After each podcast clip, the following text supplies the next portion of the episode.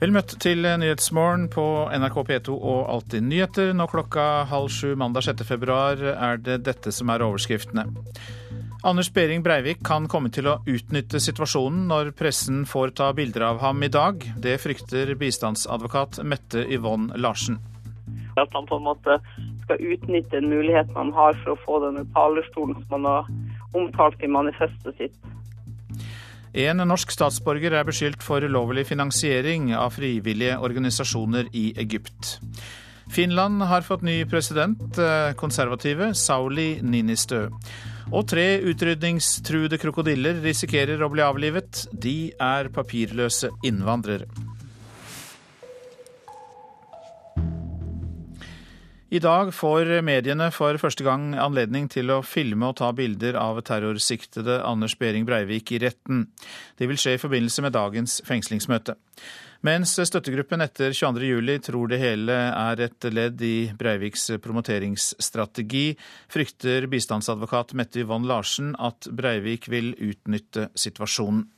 Jeg frykter jo at det nå blir et slags sånn uh show hvor Breivik får regien. da. Så Nå har det jo vært eh, sånn at uh, retten har styrt dette med hårhånd. Nå når han åpner for fotografering og sånn, så frykter jeg også at det kan komme, uh, komme en situasjon sånn som vi har sett for oss og frykta siden 22.07, at han på en måte skal utnytte en mulighet man har for å få denne talerstolen som han har omtalt i manifestet sitt. Bistandsadvokat Mette Yvonne Larsen representerer flere av de over 80 pårørende som skal sitte på tilhørerbenken i Oslo tingrett i dag. Før retten blir sett klokka 12.30, er det anledning for de rundt 60 pressefolka som har fått plass i selve rettssalen, å filme og ta bilde av terrorsikta Anders Behring Breivik. Flere medier vurderer også å sende direkte fra dette. Så jeg tenker sånn, En kort bildesession før retten settes, det er ikke så uvanlig. Men hvis man også skal ta film og lyd, så tror jeg både Breivik utnytta situasjonen, og, og, det kan fortere komme ut av kontroll. Og jeg syns at alt som skal sendes i Breivik-saken skal redigeres og vurderes, og ikke sendes ut direkte. Nei, det syns vi ikke noe om. Trond Henry Blattmann i Nasjonal støttegruppe etter 22.07. Han er heller ikke glad for dagens fotografering. Denne saken har jo vært sånn at man har skjøvet på grensa hele tiden. Eh, Eh, og det er sånn at eh, Hvis det blir tatt bilder i rettssaken, enten det er før eller etter retten er satt, eh, så er det jo det han ønsker seg. Han ønsker seg, han ønsker seg publisitet rundt sin person, og det ønsker ikke vi å gi han overhodet. 163 pressefolk fra inn- og utland er akkreditert for å dekke møtet. Bistandsadvokat Mette Yvonne Larsen ber mediene besinne seg i dekninga av saka framover jeg ser jo på en måte bare at vi flytter grenser for hver uke som går i denne saken. her. Nå er det varsla publisering av bilder fra åsted, noe som er veldig bekymringsfullt. Vi har fått sett masse bilder nå de siste dagene, så jeg håper virkelig at media nå eh, besinner seg. Reporter var Andrea Kvamme Hagen. I Kulturnytt eh, fem over åtte så kan du høre programdirektør Per Arne Kalbakk forklare hvordan NRK planlegger å dekke dagens fengslingsmøte. En norsk statsborger er blant de 44 personene som Egypt anklager for ulovlig finansiering av frivillige organisasjoner, opplyser UD. Personer fra Egypt, USA og andre land er blitt eh, vist til straffedomstolen i Kairo. Kontorene til i alt 17 lokale og internasjonale organisasjoner ble i desember ransaket i forbindelse med anklagene. UD jobber med å bistå nordmannen, sier pressetalsmann i UD Frode Andersen.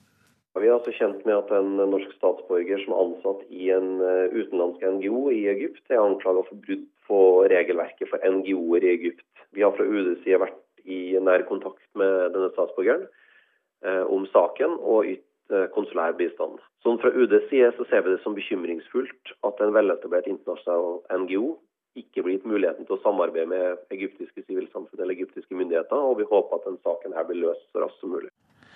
UDs pressetalsmann Frode Andersen. Et utvalg foreslår å innføre et helt nytt prinsipp i barnevernet. Den biologiske tilknytningen til barnevernsbarnas foreldre skal ikke lenger være styrende for alt barnevernsarbeid, ifølge utvalgets leder, psykolog Magne Raundalen. I stedet skal barnevernet heller ta mest hensyn til hvilken tilknytning som gir barnet best utvikling. Når relasjonen mellom en eller begge foreldre og barnet er til hinder for barnets utvikling, så skal det være viktigere enn det biologiske prinsipp, sier Raundalen om dette utvalget, som altså legger fram sin rapport i dag. I går ble det klart at Finlands tolvte president blir Sauli Ninistø. Han vant med over 62% av stemmene, og motkandidaten Pekka Havisto måtte se seg klart slått. Og utenriksmedarbeider Morten Jentoft, eh, var dette et overraskende resultat? Nei, alle meningsmålingene foran valget viste jo at Pekka Havestad ikke hadde noen muligheter til å ta igjen det enorme forspranget som eh, Sauli har hatt gjennom hele denne valgkampen her. Og eh, at, at forskjellen mellom de to ble såpass stor som den ble, altså over 25% det var vel også i overkant av hva man hadde ventet på forhånd. Ja, øh, Hva slags president får finnene i Sauli Niinistö? De får jo en erfaren eh, politiker som har vært med øh, veldig lenge. Han har vært finansminister, han har også vært visedirektør i Den europeiske investeringsbanken, så han har også internasjonal erfaring. Den finske presidenten har jo fremdeles ansvaret for den finske utenrikspolitikken, riktignok som det heter nå, i samråd med regjeringen. Man får altså en konservativ politiker med tette bånd til næringslivet, men man får også en politiker politiker med et menneskelig ansikt. Eh, eh, han mistet sin første kone i en trafikkulykke. Han overlevde så vidt eh, tsunamien. Dette er også ting som har gjort inntrykk på finnene. Sånn at det er en politiker med et, et menneskelig ansikt. Han kan kanskje virke litt tilbakeholden, litt reservert. Det merket jeg også når jeg møtte han da jeg var i Finland for 14 dager siden i forbindelse med første runde av presidentvalgkampen. Men man får en erfaren politiker som inngir tillit. Så har vi da motkandidaten som nå da definitivt er eh, ute av denne kampen, Pekka Havisto. Han stilte for De grønne, han har stått fram som åpen eh, homofil. Vi kan jo knytte noen ord til han før han for oss kanskje forsvinner i glemselen? Eh, ja, altså Pekka du har jo vært den store fargeklatten i, i, dette presidentvalget. Og som du sa, det å stå fram som åpen homofil på dette nivået i Finland, det har, vært, har nok vært eh, kontroversielt for mange. Og vi så jo også på resultatene i går kveld at eh, han gjorde det veldig godt i hovedstaden. Han fikk like mange stemmer som Sauli Niinistö i hovedstaden Helsingfors. Men ute på landsbygden der var folk mye, mye mer skeptisk. skeptisk og det var der Sauli Niinistö først og fremst var helt, helt helt overlegen. Sånn at der ute var det nok kanskje litt for tidlig da for folk eh, å eh, akseptere en kandidat som Pekka Havisto, mens i de store byene så er man helt klar da til å godta folk med forskjellige um, seksuelle legninger. Sånn at det ser jo mange på som veldig viktig for framtidens Finland. Men det vi kan slå fast, Morten Jentoft, det er altså at Sauli Ninistø blir Finlands tolvte president. Mange takk for at du kom til oss for å orientere om dette valget. Israel vurderer eh, fremdeles å angripe Iran pga. landets atomprogram. Det sier den amerikanske presidenten Barack Obama i et intervju med den amerikanske TV-stasjonen NBC. USA vil samarbeide tett med Israel for å forhindre at Iran blir en atommakt, sier Obama. Det internasjonale samfunn krever at Iran skal stoppe sitt atomprogram, noe Iran nekter å gjøre. Marokko nå, for det omtales som landet som har unngått den arabiske revolusjonen, men snart ett år etter den arabiske våren demonstrerer marokkanere som aldri før. Litt over 100 demonstranter i hovedstaden Rabat i Marokko krevde i går nye reformer i en av landets mange demonstrasjoner.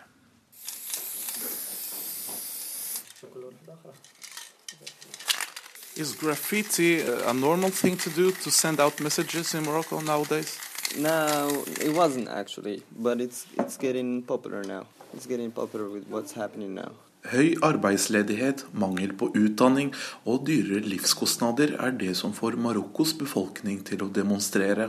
Tolv ungdommer utstyrt med spraybokser og sprittusjer har samlet seg i de mørke og røykfylte lokalene til Organisasjonen for marokkanske menneskerettigheter. Uh, right now, there are many protests of, of unemployed people and people uh, protesting against um, high uh, costs of life. So um, and and th there is a very very violent repressions there.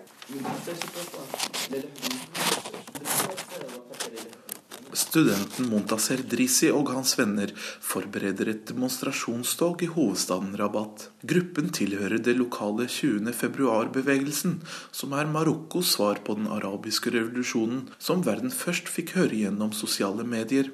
Men pga. analfabetismen i landet blir ikke sosiale medier brukt så mye for å spre nyheter som i andre arabiske land. Fortunately, don't, don't use social media to, to, to get information, uh, alternative information about what's happening in politics, about mm. what's happening in their lives. So they're using it just to for personal things, you know. So and that's that's a result. That's a result of analphabetism of this corrupt education we have here in Morocco.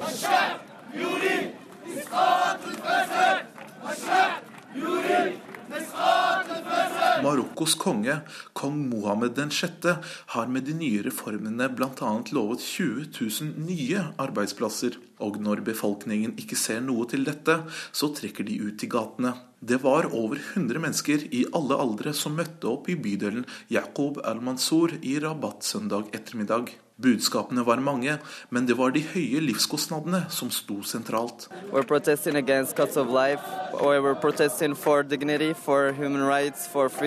Montaser sitt håp for fremtiden er at Marokko blir et mer demokratisk land, hvor kongen ikke har fullt så mye makt. My dream Uh, before all our demands is that the, the people have a new conscience, have the conscience of protesting, have the conscience of demanding their rights. When we'll have that, I won't worry anymore. Reporter i Marokko, Fouad Asharki. Nå til avisenes eh, forsider.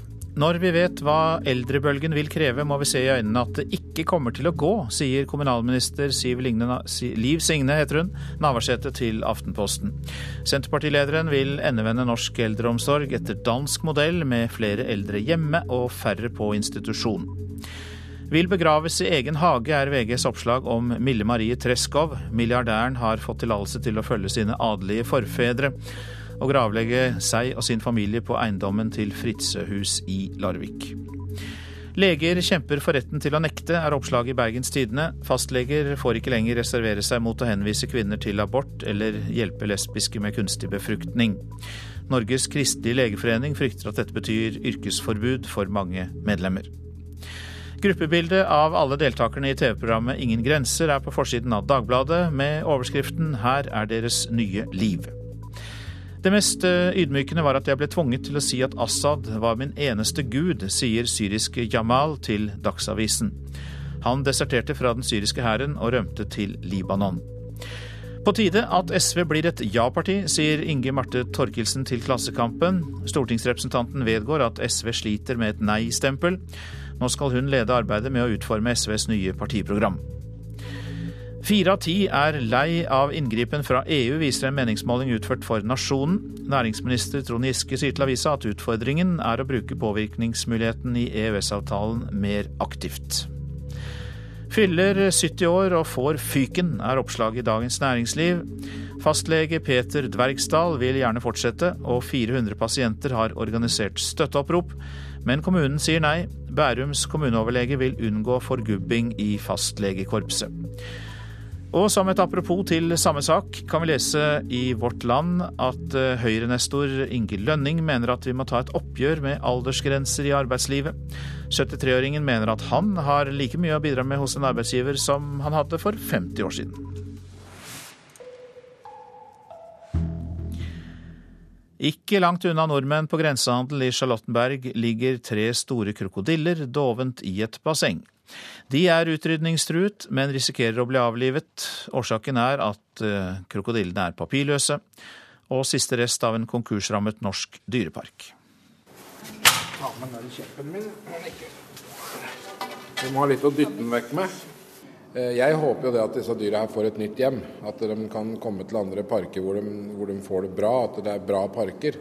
Det er det som er eh, håpet. Hvis ikke så er det avliving som gjelder, dessverre. Tidligere dyrepasser Rune Sæter er jevnlig innom de tre Nil-krokodillene. Renser vannpumpa, fôrer dem med kyllinglår. På frivillig basis.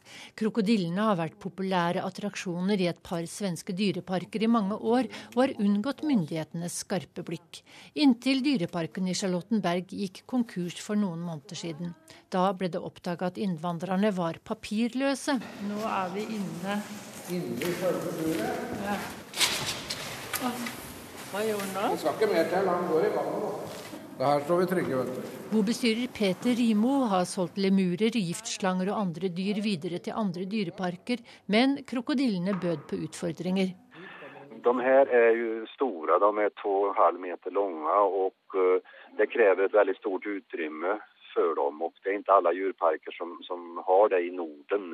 De krever altså 80-90 kvadratmeters utrymme og basseng. Og dessutom er de også eh, rett aggressiva så man kan ikke sätta dem tillsammans med andre krokodiler. Eh, men nå har jeg fått eh, et djurpark i Ungern som er intresserade av dem. Men for å utvandre til Ungarn må krokodillene ha papirene i orden. Det krever landbruksmyndighetene. Og politiet har også fatta interesse for krokodillene nå, selv om de har vært i Sverige i et par tiår.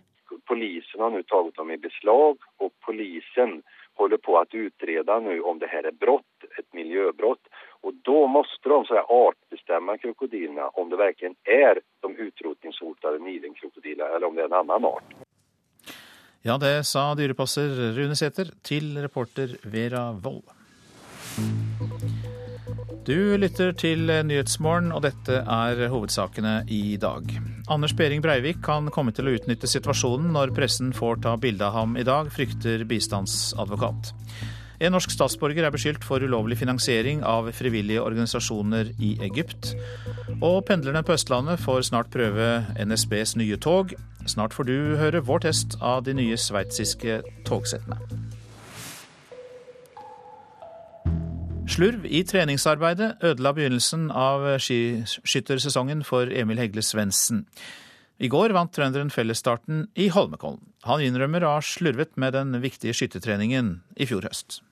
Spesielt på de harde øktene med skyting så har jeg vært litt for sløv. Ikke tatt meg sjøl nok i nakken når, når, ting ikke har stemt. Eh, tenkt sånn Ja, det fikser jeg til vinteren, liksom. Og det, det heller ikke. Ekstase i Holmenkollen idet Emil Hegle Svendsen bruker de siste kreftene og sklir i mål først av samtlige på fellesstarten i går. Han har alltid vært rask på ski. På standplass har det vært mye grums.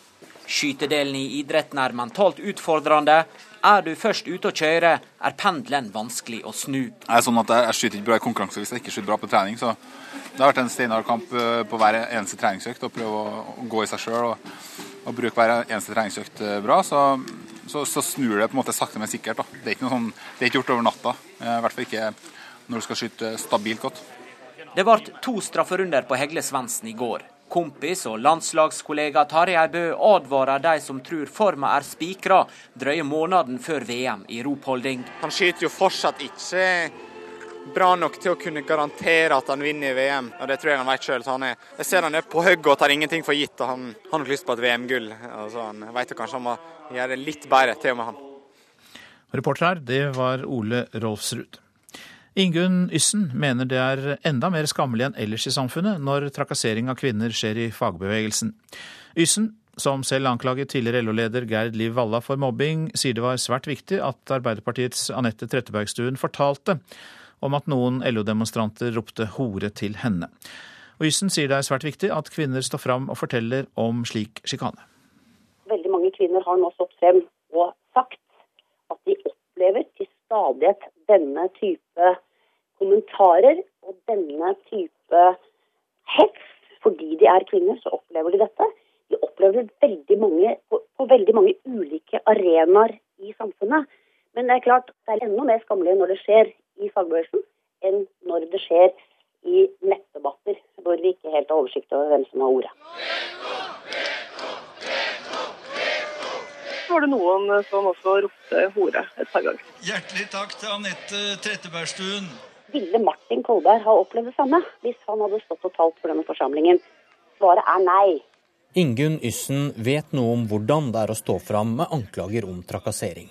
Denne saken har vært så viktig for enkelte i fagbevegelsen at de har gått så langt som de gjorde. Det var deler av venstresiden i LO som stilte spørsmål ved om det i det hele tatt var noen som hadde ropt hore til Trettebergstuen. Det virker iallfall som eh, det er en del av den politiske kampen. Det var også venstresiden i LO som nektet for at tidligere LO-leder Gerd Liv Valla trakasserte Yssen. Hun vil ikke snakke om Valla-saken, men er mer opptatt av at kvinner må si ifra. Når eh, denne type eh, hetsing av kvinner, og det har vi jo nå hørt eh, at flere er utsatt for, skjer, så må det tas ut i det offentlige rom. Man får en offentlig debatt om dette. Så avdekkes alle disse holdningene, og ikke minst vi får debatten. Og som i denne saken, så fikk vi da fra høyeste hold, takk og pris, Roar Flåtten, som bare slår fast hva som er rett og galt når sånne ting skjer. Heldigvis er det ikke så ofte at vi opplever sånne saker. LO-leder Roar Flåten mener han ikke trenger å ta oppgjør med noen ukultur. Oppdager vi sånne ting, så slår vi også ned på det. Og vi tar sterk avstand fra det. Reporter var Bjørn Myklebust. De nye togene til NSB settes i drift fra 29.2. Mange togpendlere på Vestfoldbanen og i lokaltrafikken rundt Oslo får dermed etter hvert helt ny toghverdag. Og vi ble med for å teste togene. Vi er om bord i de nye togsettene med det klingende navnet Flirt, NSBs stolthet. Kjell Arthur Abrahamsen er prosjektleder for nye tog i NSB og forteller gledelig om de nye togsettene. Da kan vi snakke oss gjennom ca. 100 meter. Ja, Er det så langt? Ja. 105,5. Togene som er produsert i Sveits skal settes i drift fra 29.2. Først et togsett på Vestfoldbanen, og deretter nye tog på region- og lokalnettet til NSB. Totalt 50 tog. Største forskjellen vi, vi merker er jo kjøreegenskapene til toget. Det er veldig stille og har rolig gange og lys og trivelig layout. Og så har vi litt ekstra setekapasitet i de nye togene. Togpendlere har flere kriterier. Et av dem er sittekomfort. Vi kan sette oss ned her. Det kan vi gjøre. Er det noe gjort noen sånn endring på, på, på setene i forhold til de togene vi, vi reiser med i dag? Vi har tilpassa materiellet sånn at vi har nå tre pluss to seter i en del av seteradene. Så det blir litt trangere? Der er det nok litt trangere enn hva vi er vant til i dag, ja. OK, litt trangere, men allikevel sitteplass. En annen ting vi som reiser daglig på pendlerklasse setter pris på, er det lille ekstra. Ja, nå er jo hele toget lagt opp med strøm til hver enkelt plass, så man kan lade utstyret man har med seg. Og vi har også trådløs sone gjennom hele toget. Så her er det muligheter til å sitte og jobbe eller høre på musikk osv. OK, noen fordeler til vanlig pris, men om vi får sitte eller ei er kanskje ikke det viktigste vi setter pris på. Å komme for seint til jobb eller hjem har dessverre blitt en vane de siste årene, og ifølge prosjektlederen så skal det bli bedre. Testperioden vi har vært igjennom nå, viser jo at uh, resultatene i testkjøringa, som har vært mange tusen kilometer, har vært uh, relativt problemfri. Dette har vært en mild vinter?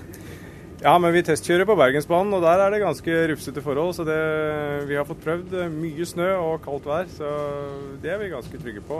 Tilbake til litt kjørekomfort. Mange reisende ønsker en liten blund på togturen, og det blir ifølge Abrahamsen lettere med de nye togsettene. Støyen er jo den samme, men togene er mye mer isolert nå i forhold til hva det eksisterende materiellet vi har. Så det, dette har en mye roligere gange og føles stillere når man er passasjer. Og så kanskje det aller viktigste. Blir det dyrere? Nei. Selv om de nye togene er både raskere og mer komfortable og har en prislapp på 4,2 milliarder kroner, skal det ikke koste mer å reise med tog, forteller kommunikasjonsrådgiver i NSB, Håkon Myhre. Målet vårt er jo at med flere kunder så skal prisene gå ned. Det er jo et ønske vi har. Ja, så... så får vi håpe at vi klarer å holde det målet. At jo mer kunder om bord i toget, jo bedre blir også prisen. Altså, det blir ikke sånn at dere får plutselig en overraskelse fordi dette blir for dyrt? Det skal du ikke få. Det kan vi garantere. Ingen overraskelser. Men de positive overraskelsen er nytt tog, bedre plass, bedre komfort, en hyggeligere hverdag for deg som kunde. Da nærmer vi oss Drammen, og her får vi avstigning på høyre side. Til de av dere som forlater oss her i Drammen, ønsker vi dere en hyggelig dag, og håper at det blir varmere enn det er i dag. Og reporter og togpendler, det var Odd Vegard Kandal. Etter åtte intense uker med øving, svette og slit, så var det fredag omsider premiere på storsatsingen West Side Story i Kilden teater og konserthus i Kristiansand. Og de involverte fikk betalt for slitet, for publikum var nærmest beruset av begeistring. Altså, jeg har ikke stått så lenge i baren, men jeg er berusa. Er fest, farve, musikk, drakt og dans. Ja, Det var bare stas. Utrolig gøy, og det er, det er den gøyeste opplevelsen jeg har vært på. Syns det var en fantastisk forestilling. Nei, dette var jo glimrende. Nå er jeg jo litt eh, partisk, for jeg er i slekt med en av eh, hovedrolleinnehaverne. Det er Solveig Ansnes. Og Hva synes du om Solveigs innsats? Det var en fantastisk innsats, det vil jeg si. Ja, det, det er nesten sånn at du eh, blir litt rørt. Solveig Ansnes Fillonkel var ikke den eneste som ble rørt fredag, etter å ha sett Agder Teater, Opera Sør og Kristiansand Symfoniorkesters felles forestilling. En klassisk versjon av den kjente og etter hvert så mye spilte musikalen West Side Story fra 1957. Fantastisk, selvfølgelig. Det kunne ikke gått bedre. Det er et uh, ensemble i storslag. En ikke så lite stolt teatersjef Ingrid Fortun i foajeen på Kilden. Bare minutter etter at applausen for fredagens premiere er stilnet. Jeg ser du er blank på øynene. Ja, selvfølgelig. Jeg gadd se den som ikke var virkelig berørt i sluttscenen i dag. For det, det, er teater på sitt beste, det er dans på sitt beste, det er vokalt på sitt beste, det er musikk på sitt beste. Hva kan man mer ønske seg? Vi har planta flagget, syns jeg. Kulturminister Anniken Huitfeldt hadde tatt turen sørover fra Oslo og lot seg rive med. Det var veldig mye følelser i den forestillingen. 23 000 mennesker før premieren har eh, kjøpt billetter. Hva har du å si til de som uh, venter på å få se forestillingen? Gled dere, og gratulerer Kilden med alt dere har fått til. Jeg er veldig lettet, for jeg må jo tilstå at jeg var ganske nervøs. Men dette har jo gått over all forventning. Virkelig en stor opplevelse for meg òg å være publikummer. Det var ja, en virkelig stor opplevelse, og jeg har hørt bare gode ord. Nå får vi håpe at kritikerne er bra og mener det samme som oss. Det vet man jo aldri, men men vi er fornøyde.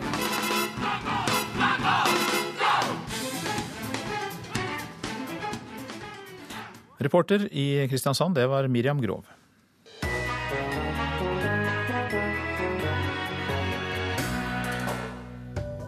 Skal du bare gjøre én liten sak for miljøet, dropp Skampin. Det er i hvert fall budskapet fra Sverige, der kjempereka er i ferd med å bli utrendy pga. de store miljøkonsekvensene produksjonen har. Men hva galt har Scampi gjort, og bør vi følge etter og boikotte, spør vi i Radioselskapet etter Dagsnytt klokka 11.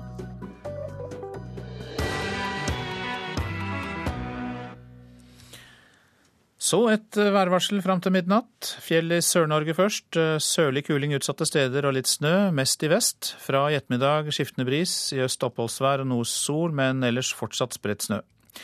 Østland og Telemark får sørvestlig liten kuling på kysten. Først på dagen perioder med stiv kuling i ytre Oslofjord. Litt snø av og til. I kveld sørvestlig frisk bris på kysten, men stort sett oppholdsvær. I Agder sørlig liten kuling på kysten, av og til stiv kuling vest for Oksøy. I ettermiddag minker vinden. Snø, sludd på kysten lengst i sør, i kveld oppholdsvær i øst. Rogaland i sør liten kuling, snø, sludd, eh, ellers regn på kysten, og i kveld stort sett opphold. Hordaland og Sogn og Fjordane. Ved Stad blir det sørvest opp i liten kuling. Snø, sludd eller regn på kysten, i kveld stort sett oppholdsvær. Møre og Romsdal minking til sørvestlig liten kuling, perioder med litt snø og regn på kysten. Trøndelag sørvest opp i sterk kuling på kysten, i ettermiddag liten kuling, perioder med snø og sludd eller regn i ytre strøk av Trøndelag. Nordland fra i formiddag nordøst periodevis liten kuling på kysten, ellers eh, skiftende bris, etter hvert eh, stort sett opphold. Troms får enkelte snøbyger i fjordstrøkene, ellers stort sett pent vær i Troms.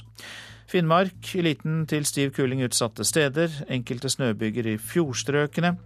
I kveld vestlig bris, stiv kuling på kysten. Enkelte snøbyger kan det også bli på kysten. Nordensjøland på Spitsbergen. Sørlig stiv kuling utsatte steder. Fra i formiddag perioder med frisk bris. I kveld dreiende vestlig og oppholdsvær. Temperaturer målt klokka fire i natt. Svalbard minus 1, Kirkenes minus 30. Vardø minus 19, Alta minus 26. Tromsø-Langnes minus 17, Bodø minus 12. Brønnøysund pluss 1 grad. Trondheim eh, er nede i minus 1. Molde pluss 3. Bergen pluss 1. Det samme også i Stavanger, pluss 1 grad. Kristiansand-Kjevik minus 2. Gardermoen hadde minus 4. Lillehammer også minus 4. Røros minus ni, og eh, Oslo-Blindern hadde minus tre grader klokka fire i natt.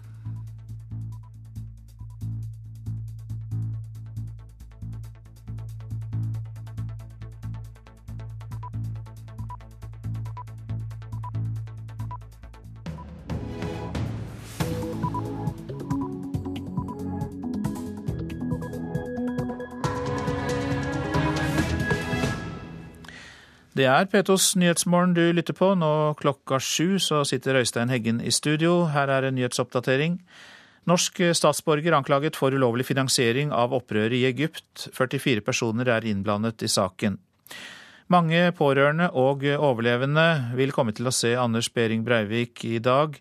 Nesten tre ganger så mange møter opp på fengslingsmøte i dag enn forrige gang. Det å se han i rettssal innebærer at han er helt annerledes. Han vil være mye mindre, og han eh, vil ikke fremtre så fryktinngytende. Og det i seg selv kan gjøre at en kan få redusert sin frykt. Sier krisepsykolog. Og eh, under dette fengslingsmøtet så får pressen ta bilder av den terrorsiktede. Bistandsadvokat frykter at eh, Behring Breivik vil utnytte situasjonen. Ny kontrollteknikk gjør at langt flere trafikkfarlige biler blir avskiltet. Telenors India-regning kan bli over 20 milliarder kroner. Det her får en, en, svært stor regning for å forsvare en investering som er mildt sagt kontroversiell. Sier analysesjef. Og konservative Sauli Ninistø er ny president i Finland. En norsk statsborger er blant de 44 personene som Egypt anklager for ulovlig finansiering av frivillige organisasjoner. Det opplyser UD. Personer fra Egypt, USA og andre land blir stilt for en straffedomstol i Kairo. Kontorene til i alt 17 lokale og internasjonale organisasjoner ble i desember ransaket i forbindelse med disse anklagene. Og nå eh, jobber UD med å bistå nordmannen. Det forteller pressetalsmann i UD, Frode Andersen. Vi er altså kjent med at en norsk statsborger som er ansatt i en eh, utenlandsk NGO i Egypt, er anklaget for brudd på regelverket for NGO-er i Egypt. Vi har fra UDs side vært i nær kontakt med denne statsborgeren eh, om saken og ytt eh, konsulær bistand. Sånn Fra UDs side så ser vi det som bekymringsfullt at en veletablert internasjonal NGO ikke blir gitt muligheten til å samarbeide med egyptiske sivilsamfunn eller egyptiske myndigheter, og vi håper at denne saken her blir løst så raskt som mulig. De 44 personene militærrådet i Egypt anklager, tilhører ulike nasjonaliteter. De er anklaget for ulovlig finansiering av frivillige organisasjoner. Dette er en del av en større, av en større sak der uh, egyptiske myndigheter har uh, gått etter flere internasjonale NGO-er fordi de ikke har uh, overholdt NGO-regelverket, dvs. Si registrert seg på en ordentlig måte. Vi syns det er bekymringsfullt at man går etter internasjonale NGO-er på den måten her. Og vi håper at den saken løser seg. Anklagene vært utarbeidet etter kontorene til 17 ulike lokale og internasjonale organisasjoner ble ransaket i desember. Det egyptiske nyhetsbyrået MENA skriver også at en nordmann, tyskere, serbere, jordanere og palestinere er blant de 44 personene. Amerikansk styresmakter er også bekymra for situasjonen, og frykter at også amerikanske organisasjoner kan havne i retten. Det er ikke oppgitt noen dato for rettssakene, men det skal være ilagt reiseforbud for de involverte.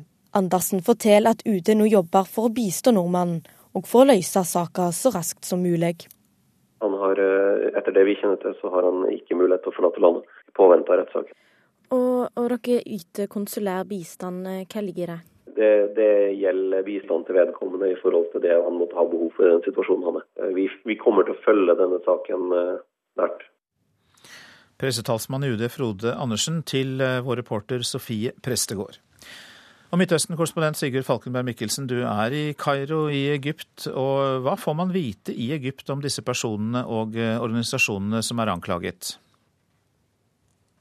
Dette er jo en eh, sak som har pågått en stund her nede, som fikk da en ny omdreining i går. Eh, da det gjennom egyptiske statsmedia ble klart at 44 mennesker skulle tiltales for, uh, i denne saken. Uh, den har også fått en del oppmerksomhet eh, fordi en av amerikanerne som er tiltalt her, eh, er en ganske kjent fyr. Han heter Sam LaHood og er sønn av transportminister eh, Ray LaHood. Og Det er jo i alt 19 amerikanere som er, er blant de tiltalte. og Det gjør jo at forholdet til USA er svært spent. Og så vidt jeg vet så er det tre amerikanere i hvert fall var det det tidligere i uken, som hadde måttet søkt tilflukt på den amerikanske ambassaden. Sånn at Det spenner forholdet mellom Egypt og USA, uh, og det er folk opptatt av her nede. Særlig når man vet at amerikanerne gir svært stor bistand til det egyptiske militæret. Det er 1,3 milliarder dollar i året. Men eh, Vi hørte jo litt om anklagene i innslaget, men, men er det anklager som eh, andre steder kanskje bare blitt, ville blitt vurdert som eh, aktivisme? Ja, altså, Dette med anklagene og tiltalene er ikke uh, veldig konkrete. I hvert fall ikke det vi har fått uh, høre. Og så vidt jeg vet, så har heller ikke de personene det gjelder fått noen, noen konkret tiltale. og noen konkret tiltale. Det er ikke satt noe dato for noen rettssak. Så, så det er fortsatt litt vagt. Det myndighetene sier her, er jo da at de ikke har hatt de nødvendige tillatelsene. Men utfordringen her i Egypt, og særlig etter at Hosni Mubarak ble styrtet fra makten, er at det har vært helt umulig å få disse tillatelsene. Og disse NGO-ene har operert i gråsonen i årevis. Mange takk for denne rapporten, Sigurd Falkenberg Mikkelsen, som altså da rapporterte for oss fra Kairo. 80 pårørende, etterlatte og overlevende etter terrorangrepet ønsker å se Anders Behring Breivik når fengslingsmøtet starter i dag. Og det er nesten tre ganger så mange som forrige gang.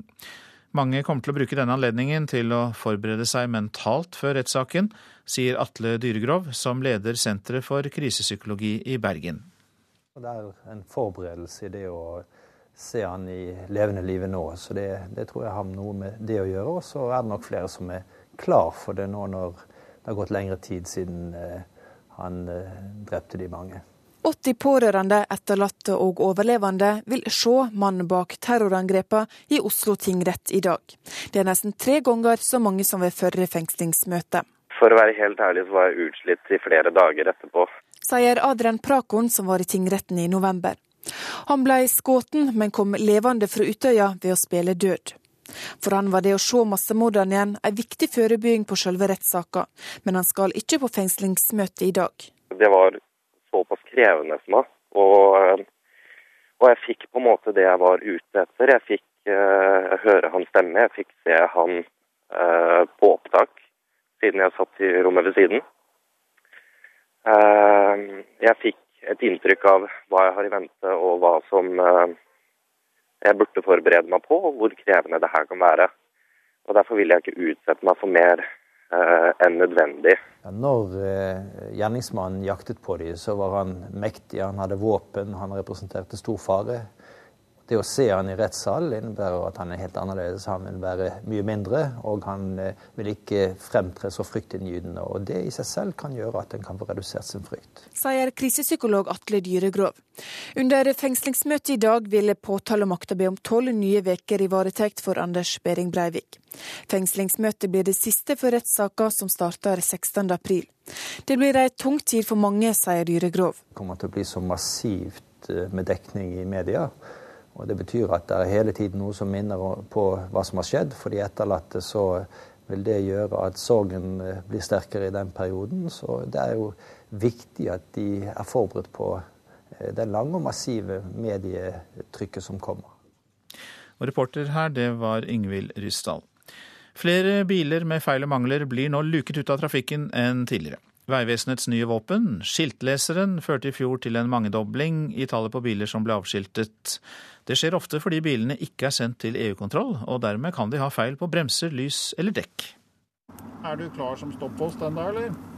Ja, klar. Trafikken er økende, sier jeg. Inspektør Bjørn Knutsen sitter i Vegvesenet sin bil øst for Fettsund i Akershus. Med skiltleseren som står i veikanten, luker han ut biler som er begjært avskilta F.eks. For fordi det ikke er betalt årsavgift eller en mangler EU-godkjenning. Én av 100 kjøretøy er det et eller annet feil med.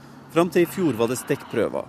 Nå gjør skiltleseren jobben på noen sekunder og sier fra hvis det kommer en bil som bør stoppes. Bare i Oslo økte tallet på kontrollerte biler i fjor fra 10 000 til 43 000, og tallet på avskiltinger fra 300 til 800. Og sånn er tendensen med det nye utstyret i resten av landet òg. Dette er trafikksikkerhet i praksis. Før skiltleseren kom, var det enklere grunner til at biler ble stoppa i denne typen kontroll, sier Bjørn Knutsen. Normalt sett var det ofte kanskje lettvint å slippe nye, pene biler videre. Mens de kan faktisk ha feil liv. Manglende kjøretøykontroll, forsikring, avgifter som ikke er betalt. Avdelingsdirektør Sonja Lindqvist i Vegdirektoratet er kjempefornøyd. Vi har mye bedre målretting av kontrollvirksomheten vår. Den nye kontrollmetoden er så effektiv at oblatene med nye farger hvert år snart er en saga blått. Unnasluntrerne blir tatt likevel. Er veldig varierende fra sted til sted, og rushtrafikk er ofte mye mer. Det er lettere å gjemme seg blant mange biler. Det gikk før å gjemme seg, men det er ikke så lett nå lenger. da. Der hvor vi har kontroll i rushtrafikken, så blir jo de synlige som alle andre. Ute på veien blinker det rødt på skjermen. Varebil. Delta kilo-registrert, ikke omregistrert. Ja, han skulle prate med deg bare han skulle være skilter sier han. Tre svenske håndverkere sitter i den norske varebilen som blir avskilta fordi den ikke er omregistrert sånn som den skulle. Det er jo for at sjefen gjerne ikke har ordning på gjøre. Alexander Arneson sier han trodde alt var i orden da han ble vinka inn. Og så kollar de papperna og så stämde ikke regelskiltet med papperna. Visste du det? Ja, nei. Nei, ja, du tog en annen vei. Vi visste jo at de sto her. Du tog en annen bil? Nei, en annen bil hadde vært bedre. Ja, en annen bil mener jeg da.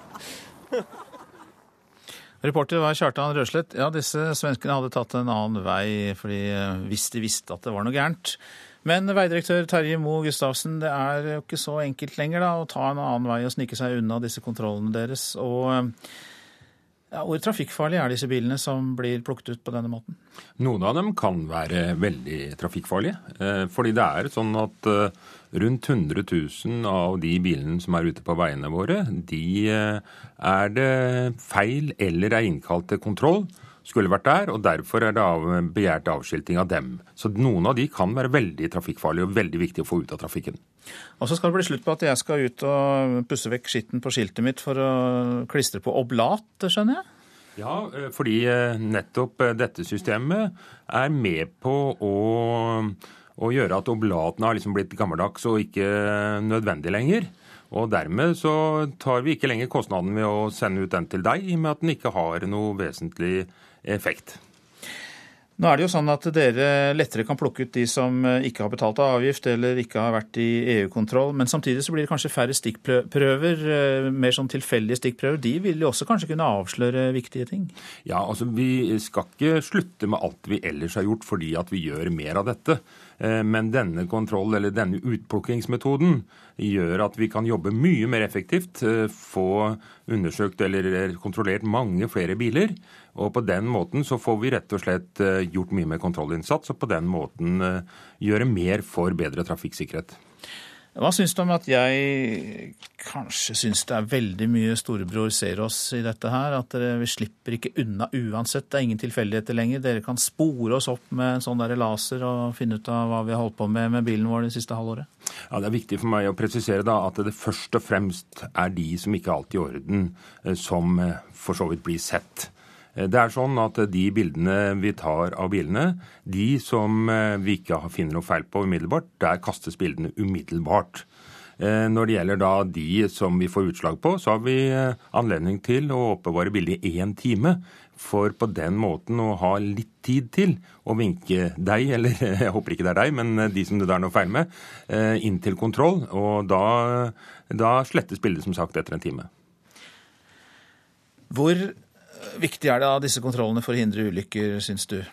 Ja, det at bilene er i god stand, eh, det er jo med på å gjøre trafikkbildet mer sikkert, og da hindre ulykker.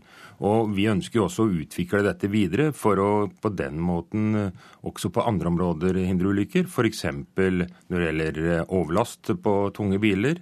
Vi vil også se nærmere på om vi kan avsløre trimming av biler, ulovlig trimming av biler. For på den måten å ha over et bredt spekter og bruke ny teknologi for å sørge for bedre trafikksikkerhet i dette landet. Mange takk for at du kom til Nyhetsmorgen, veidirektør Terje Moe Gustavsen. Du lytter til Nyhetsmorgen, og klokka den er snart kvart over sju. Vi har disse hovedsakene. En norsk statsborger er beskyldt for ulovlig finansiering av frivillige organisasjoner i Egypt. 80 pårørende og overlevende kommer til å se Anders Behring Breivik under fengslingsmøtet i dag, og det er nesten tre ganger så mange som ved forrige fengslingsmøte.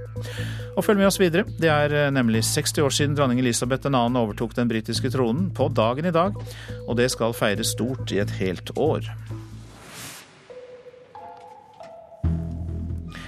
Telenor kan komme til å svi av over 20 milliarder kroner i India før de har tjent en eneste krone. Det frykter flere analytikere, som nå regner med at Telenor må bla opp store summer for å få telefonlisensene tilbake.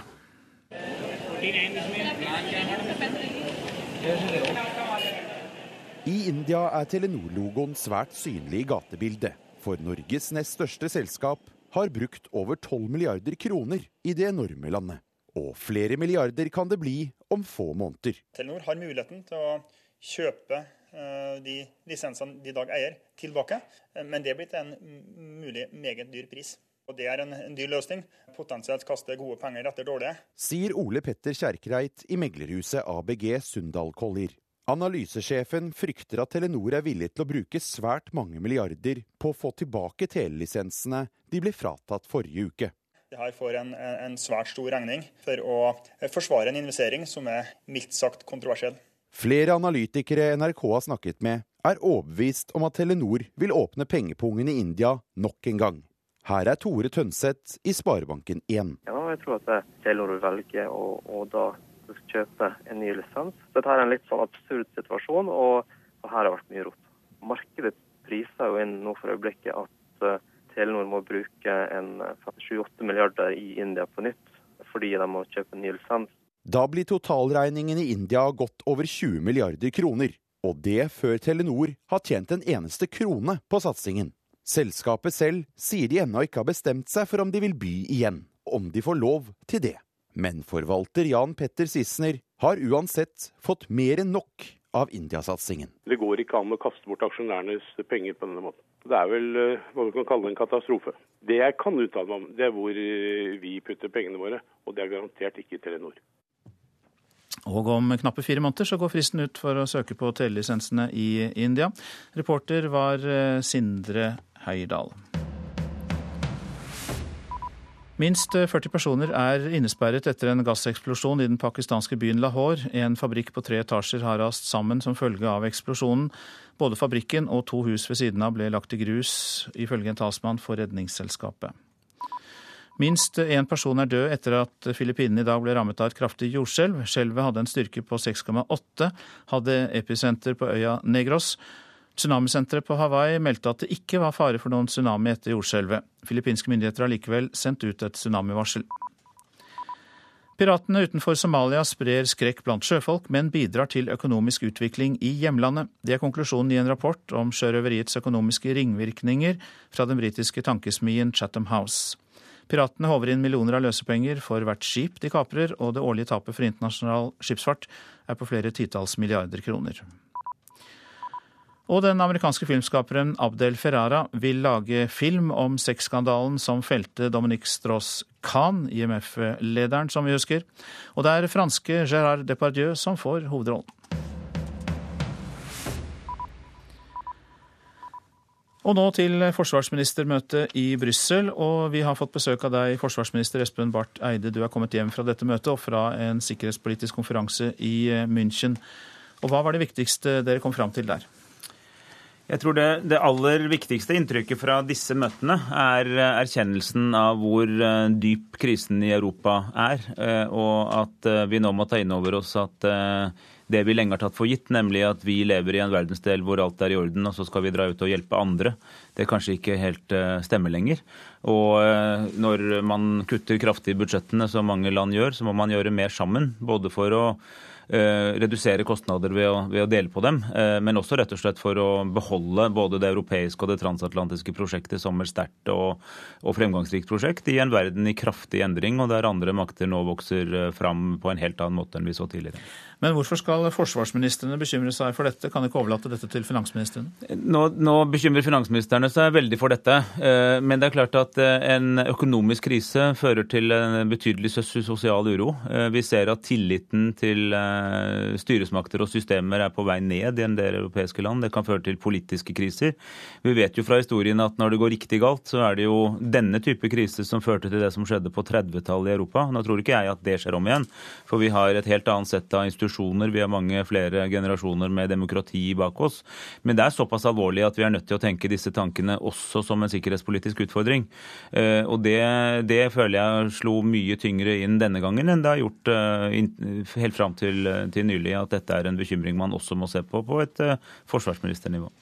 Må Norge også ta en større del av forsvarskaka når andre kutter i sine budsjetter? Det, det gjør vi faktisk, i den forstand at vi, vi kutter ikke. Vi har hatt en, en, viss eh, oppgang i våre budsjetter. Eh, og, og, det er eh, viktigere enn noensinne å holde orden i eget hus og passe på at vi bruker våre forsvarskroner riktig. Men vi må, det er uansett en dråpe i havet i forhold til det som skjer der ute. og det, det viktige nå er at vi samarbeider om å, å dele kostnader og, og, binde oss sammen, gjøre mer sammen, slik at det transatlantiske prosjektet fortsatt står sterkt. Og det at både utenriksminister Hillary Clinton og forsvarsminister Leon Panetta begge deltok på dette møtet i München, det er ganske unikt. Og det var en, en sterk understrekning fra amerikansk hold at selv om de nå ser mer mot Asia enn før, eh, så er det fortsatt slik at det særlige partnerskap for Europa det, står, det er viktig for dem, og det ville de på denne måten også uttrykke. Men i korridorene så vil jeg vel tro at problemene i Syria var tema, og det at Kina og Russland la ned veto mot denne fredsplanen. Hvordan stilte forsvarsministrene seg da til det som skjedde? Ja, altså Dette var et tema ikke så mye på Natos forsvarsministermøte, men det var et meget stort tema på den sikkerhetspolitiske konferansen i München eh, like etterpå. og Der var det jo både utenriks- og forsvarsministre fra, fra, Nato, men også fra en rekke andre land. Det var en god del arabiske land der. Ehm, og, eh, og Sergej Lavrov fra Russland var der på lørdag, men det var også før vi ble kjent med at det ble et veto, og Kinas viseutenriksminister tilsvarende. Det var ganske sterke reaksjoner på det. Eh, fra vestlig hold. Men, men, enda mer interessant var det at samtlige, altså uten unntak alle de som var fra arabiske land, eh, snakket i meget skarpe vendinger eh, og kritiske vendinger mot det Russland og Kina har gjort. Og det fremsto nok slik at Kina og Russland nå er mye mer isolert i verdenssamfunnet enn de er vant til å være. I tidligere tider har de også lagt ned veto, men da har de gjerne hatt ganske mange andre likesinnede bak seg. Det syns de ikke å ha denne gangen, og det er et ganske nytt bilde. Akkurat der er det et lite uh, liten kime av optimisme, faktisk. Du har også med oss i studio Jan Egeland, europadirektør i Human Rights eh, Watch. Og, dere har jo eh, rapporter inne om menneskerettighetene i eh, Syria, bl.a. at barn helt ned i 13-årsalder blir utsatt for tortur. Hva forteller disse informasjonene deg? At det har blitt forferdelig mye verre i Syria for hver eneste måned i disse elleve månedene hvor opprøret har skjedd. Eh, nå er det verre enn noe annet sted eh, i noe arabisk land under den arabiske våren. Det var 5400 drepte i desember, da FN sluttet å telle eh, drepte. Og siden det har det blitt mye verre. Og altså helt ned til små barn blir utsatt for tortur, blir drept, blir skutt i gatene. Det er en skyt for å drepe-ordre til sikkerhetsstyrker som møter Eh, ubevæpnede demonstranter. Men hvilke muligheter har verdenssamfunnet til å gjøre noe med dette? For det virker som det er helt fastlåst? Ja, Nå virker det veldig fastlåst, og det er det Russland og Kina som har hatt ansvar for. De eh, nedla et veto i FNs sikkerhetsråd, og dermed stanset de den arabiske planen for å få eh, Assad til å overlevere makt til sin visepresident, som så skulle gå til et overgangsstyre. Eh, nå er det eh, de hardeste frontene igjen mot hverandre. Forhåpentligvis blir det en ny dynamikk ved at, som Barth Eide sier, russerne blir mer og mer isolerte. Og for første gang eh, ser vi nå på, i den syriske sammenheng en veldig enig arabisk vestlig allianse, og den er meget dynamisk, tror jeg. Barth Eide, nå skal jo Lavrov så vidt jeg vet, til Damaskus. Hva kan han utrette der? Man kan jo håpe på at han har et ess i ermet med seg. Eh, det har skjedd før at eh, russerne da har kommet med noe på, på siste øyeblikk, på en måte. Eh, men det vet jeg jo ikke. Det har jo ikke noen direkte innsikt i om han vil gjøre. Men, altså for men, å myke opp Syria på en måte? Han kunne jo reise dit og si at så langt har vi støttet deg, men vår, vår tålmodighet er snart slutt. Denne planen som vi nå legger på bordet, må dere ta, eller så mister dere også vår støtte. Men om han gjør det, det vet jeg ikke. Men det, det som Egeland sier er veldig, veldig viktig. Den arabiske liga Liga er nå i en lederposisjon. Eh, det er de man støtter opp om. Det var det Sikkerhetsrådet stemte eh, altså for, og da med, med to veto fra Russland og Kina, å støtte opp om en arabisk fredsplan. Og Den arabiske fredsplanen bør araberne fortsette med på tross av veto. For det er ikke slik at Kina og Russland har noe mandat til å nekte dem å gjøre det. Men det vi hadde fått om de hadde stemt for, var en enda sterkere internasjonal backing av en helt konkret plan. Og det hadde vært et enda tydeligere uttrykk eh, for Assad at han var blitt isolert i verdenssamfunnet. Helt eh, avslutningsvis eh, til deg, Egeland, for vi skal ikke glemme at det ikke nødvendigvis er noen eh, fordel at nye styresmakter overtar. I Libya er det også rapporter om brudd på menneskerettighetene som dere har bitt merke i. Forhåpentligvis er det en fordel at det har skjedd et maktskifte både i Egypt, Tunis og i Libya. Men i Libya er det nå militsene som sitter med makten. Det er militser som ikke tar ordre fra overgangsrådet, og vi har da nylig dokumentert omfattende tortur blant de 8000-9000 fanger militsene sitter med, herunder en eh, tidligere libysk ambassadør til Frankrike som ble torturert i hjel så sent som 19. januar. Mange takk skal dere ha, Jan Egeland fra Human Rights Watch og forsvarsminister eh, Espen Barth Eide. Noen ord eh, fra, eh, fra, avisene. Det er eh, slik at vi vet hva eldrebølgen vil kreve, og vi må se i øynene at det ikke kommer til å gå, sier kommunalminister Liv Signe Navarsete til Aftenposten. Senterpartilederen vil endevende norsk eldreomsorg etter dansk modell, med flere eldre hjemme og færre på institusjon. Vil begraves i egen hage, er VGs oppslag om Mille Marie Treskov. Milliardæren har fått tillatelse til å følge sine adelige forfedre og gravlegge seg og sin familie på eiendommen til Fritzøhus i Larvik. Leger kjemper for retten til å nekte, er oppslaget i Bergens Tidende. Fastleger får ikke lenger reservere seg mot å henvise kvinner til abort eller hjelpe lesbiske med kunstig befruktning. Norges kristelige legeforening frykter at det betyr yrkesforbud for mange medlemmer. Gruppebildet av alle deltakerne i TV-programmet Ingen grenser er på forsiden av Dagbladet med overskriften 'Her er deres nye liv'. Det mest ydmykende var at jeg var nødt til å si at Assad var min eneste gud, sier syriske Jamal til Dagsavisen. Han deserterte fra den syriske hæren og rømte til Libanon. Og på tide at SV blir et ja-parti, sier Inge Marte Torkelsen til Klassekampen. Stortingsrepresentanten vedgår at SV sliter med et nei-stempel.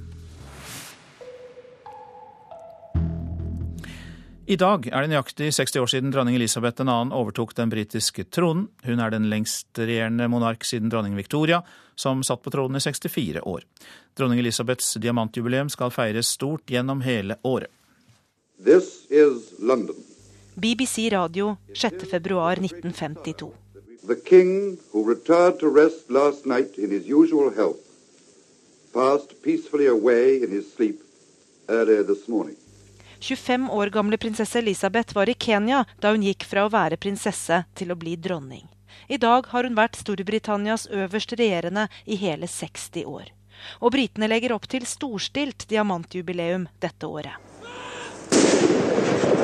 Startskuddet for jubileet går klokka tolv i dag, med 41 kanonsalutter, pomp og prakt i Hyde Park i London. Men den store folkefeiringen er etter tradisjonen flyttet til sommeren. Britene har fått innvilget en ekstra fridag i juni for å holde gatefester til ære for dronningen. Men det har vært en forutsetning fra regenten selv at ingen skal føle at de er tvunget til å være med på feiringen. Den snart 86 år gamle dronningen har også lagt vekt på at jubileet ikke skal belaste den offentlige pengepungen. Med andre ord legger Buckingham Palace opp til en fest delvis betalt av monarkens egne midler, delvis sponset og basert på frivillig innsats. I tillegg til pomp og prakt, gudstjenester og taler, skal flere medlemmer av det britiske kongehuset på reise for å markere dette jubileumsåret. Mens dronning Elisabeth og prins Philip holder seg i England, Wales, Skottland og Nord-Irland, skal andre i familien sørge for å dekke alle de ytterligere 15 landene dronningen er overhodet for. I tillegg til flere land i det britiske samveldet. Men det er første utvidede helg i juni som blir hovedfeiringen. Da skal det tennes fakler i alle dronningens verdenshjørner, og det blir historisk opptog av båter og skip på Themsen.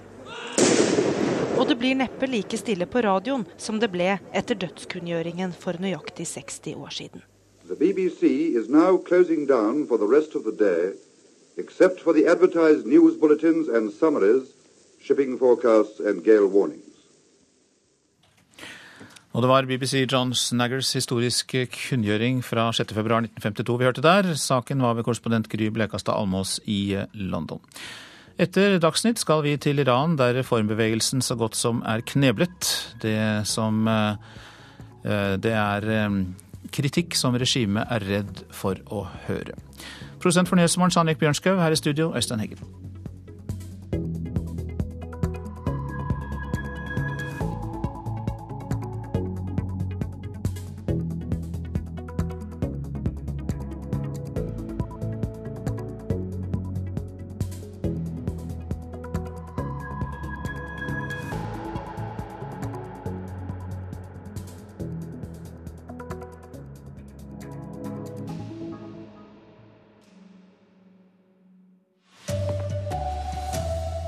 De pårørende frykter at Breivik skal bruke media. I dag er det lov å fotograf fotografere han i rettssalen. Langt flere biler med feil og mangler blir avskilta. Ny teknologi har letta jobben for Vegvesenet. Og Militærrådet i Egypt skulle ha norsk statsborger for å støtte opp under uroa i landet.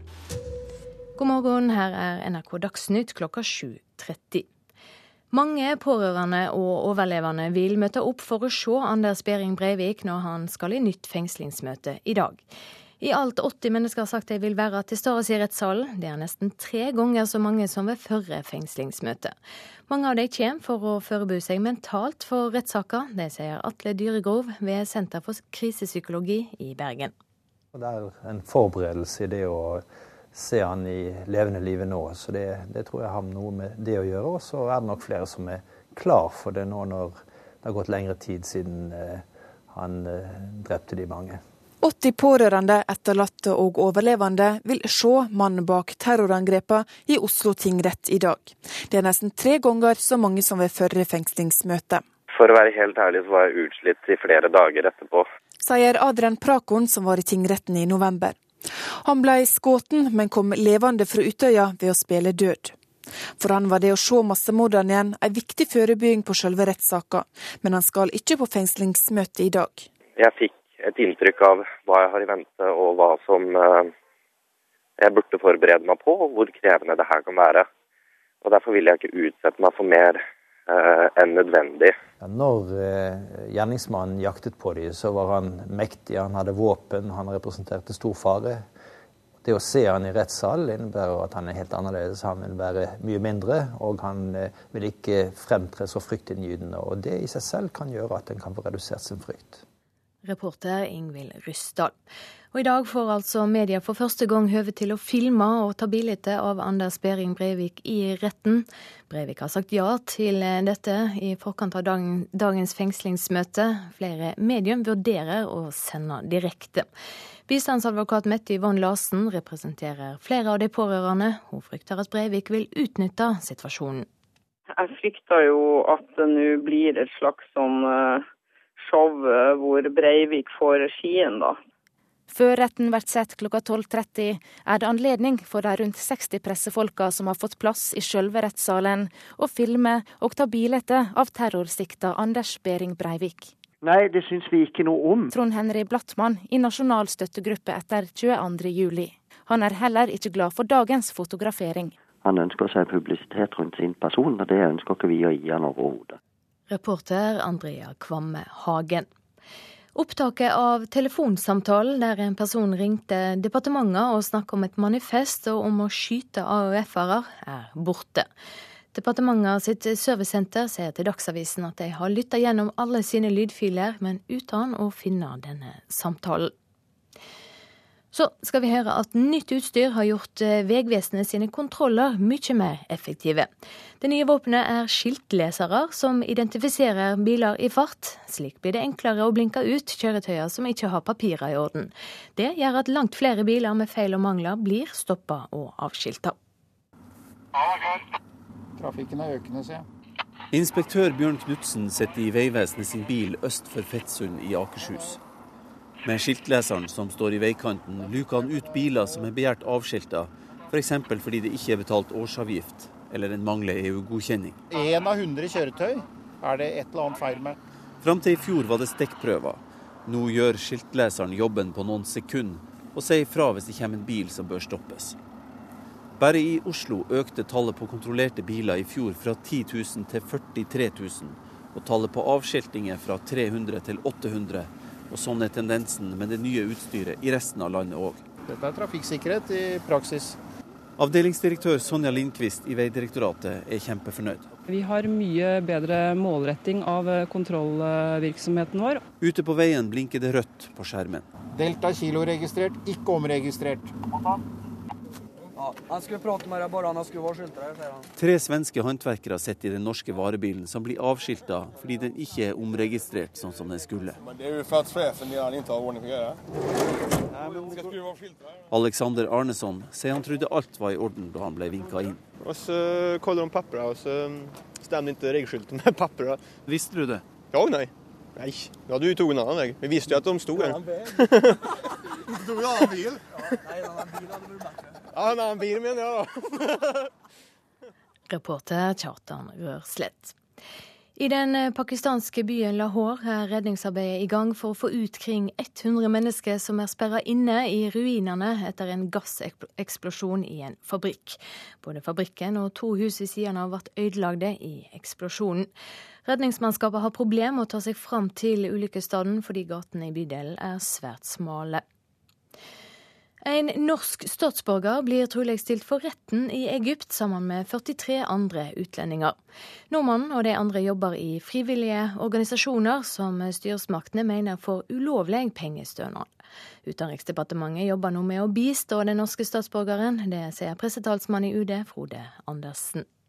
Sånn Fra UDs side så ser vi det som bekymringsfullt at en veletablert internasjonal NGO ikke blir gitt muligheten til å samarbeide med egyptiske sivilsamfunn eller egyptiske myndigheter, og vi håper at den saken her blir løst så raskt som mulig. NGO, som på engelsk står for Non-Governmental Organization, er frivillige organisasjoner som ikke får statlig stønad. Militærrådet i Egypt anklager nå 44 personer med ulike nasjonaliteter i slike organisasjoner for ikke å ha registrert seg i henhold til NGO-regelverket og mener også de har mottatt ulovlig finansiering fra utlandet.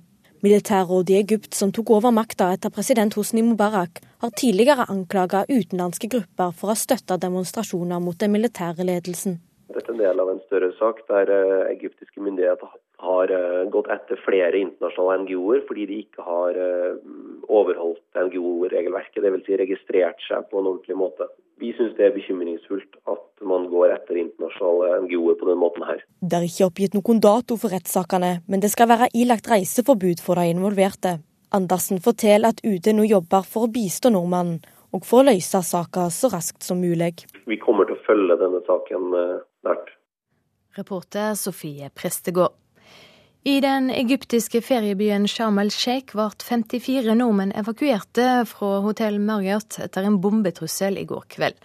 Egyptisk politi og tryggingsfolk fant ikke noe bombe i bygningen, men alle de norske turistene er flytta over til et annet hotell i byen.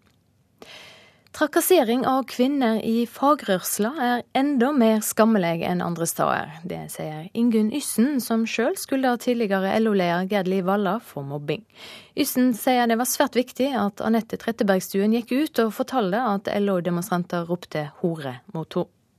Det er enda mer skammelig når det skjer i fagbevegelsen, enn når det skjer i nettdebatter hvor vi ikke helt har oversikt over hvem som har ordet. Så var det noen som også ropte hore et par ganger. Hjertelig takk til Anette Trettebergstuen. Ville Martin Kolberg ha opplevd det samme hvis han hadde stått og talt for denne forsamlingen? Svaret er nei. Ingunn Yssen vet noe om hvordan det er å stå fram med anklager om trakassering.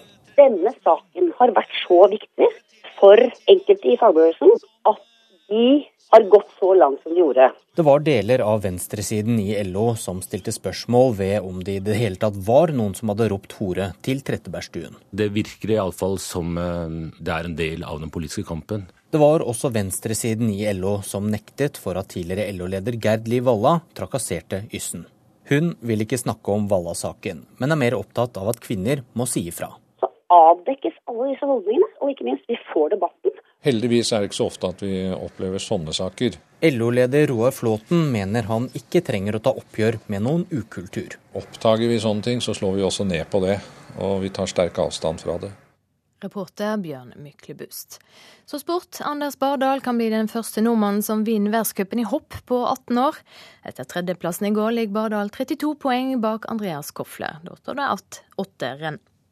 Alt er mulig, men jeg begynner å tenke for mye på det, så begynner jeg å jage etter Kofler, og det går utover hoppinga. Så gjør jeg, gjør jeg, det jeg har gjort så langt i sesongen og er oppi der, så er det, jo, er det jo selvfølgelig mulig. Så vi får se. Og han er klar over at det er lenge siden siste norske sammenlagtseier? Ja, det, det, er mange år siden. Det er jo snart 20 år siden. 18, 18 år siden, kanskje. 18 år, Espen Bredesen 1994, og i tillegg til ham Vegard Oppås 1987. Det sa reporter Ole Jakob Jorseth. Ansvarlig for Dagsnytt denne morgenen, Bjørn Christian Jacobsen. Teknisk ansvarlig Frode Thorshaug.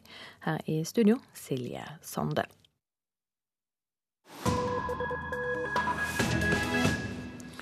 Nyhetsmorgen skal videre til Iran. Der er reformbevegelsen så godt som kneblet.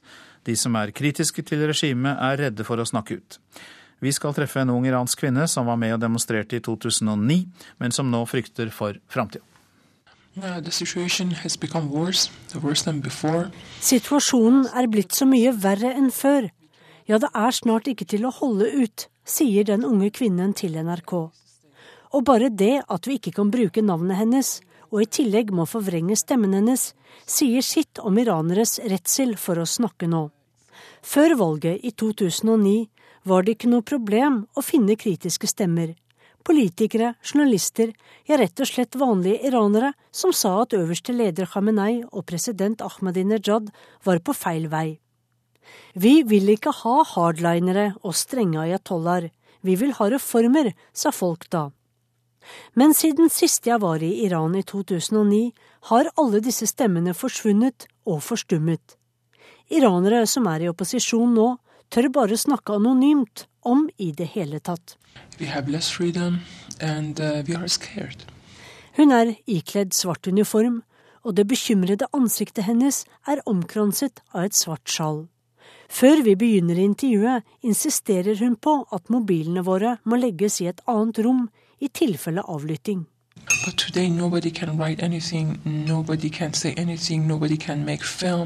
Journalister kalles inn på teppet om de har skrevet noe Ministeriet for kultur og islamsk veiledning ikke liker.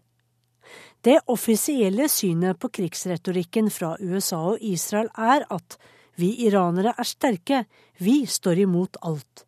Men innerst inne er mange bekymret um, sometimes when people are waiting for a war, they say, okay, let, let them come and attack us. Kanskje er det bedre om de angriper oss, så kommer vi ut av denne situasjonen, slik at vi blir kvitt dette diktaturet, sukker hun. Men som alle frykter hun konsekvensene av en krig. Like Iraq, like Libya, like Syria? Det er som om vi alle bare venter på noe. Under det siste presidentvalget i 2009 støttet kvinnen den grønne bølgen og alle demonstrasjonene mot president Ahmadinejad og øverste leder. Men tror hun at reformbevegelsen er knust? I don't say that they are crushed. I really don't want to say that. Uh, because um, um, although we are frustrated, and hopeless, uh, but um, we, we still think that something in future will happen because Jeg håper ikke den er det, for jeg ønsker å ha et håp. Da jeg så de arabiske revolusjonene, ble jeg optimistisk. Men lederne for den grønne bevegelsen sitter i husarrest, så vi har ingen leder for vår opposisjon. Men alle venter på at noe skal skje, gjentar den sortkledde kvinnen.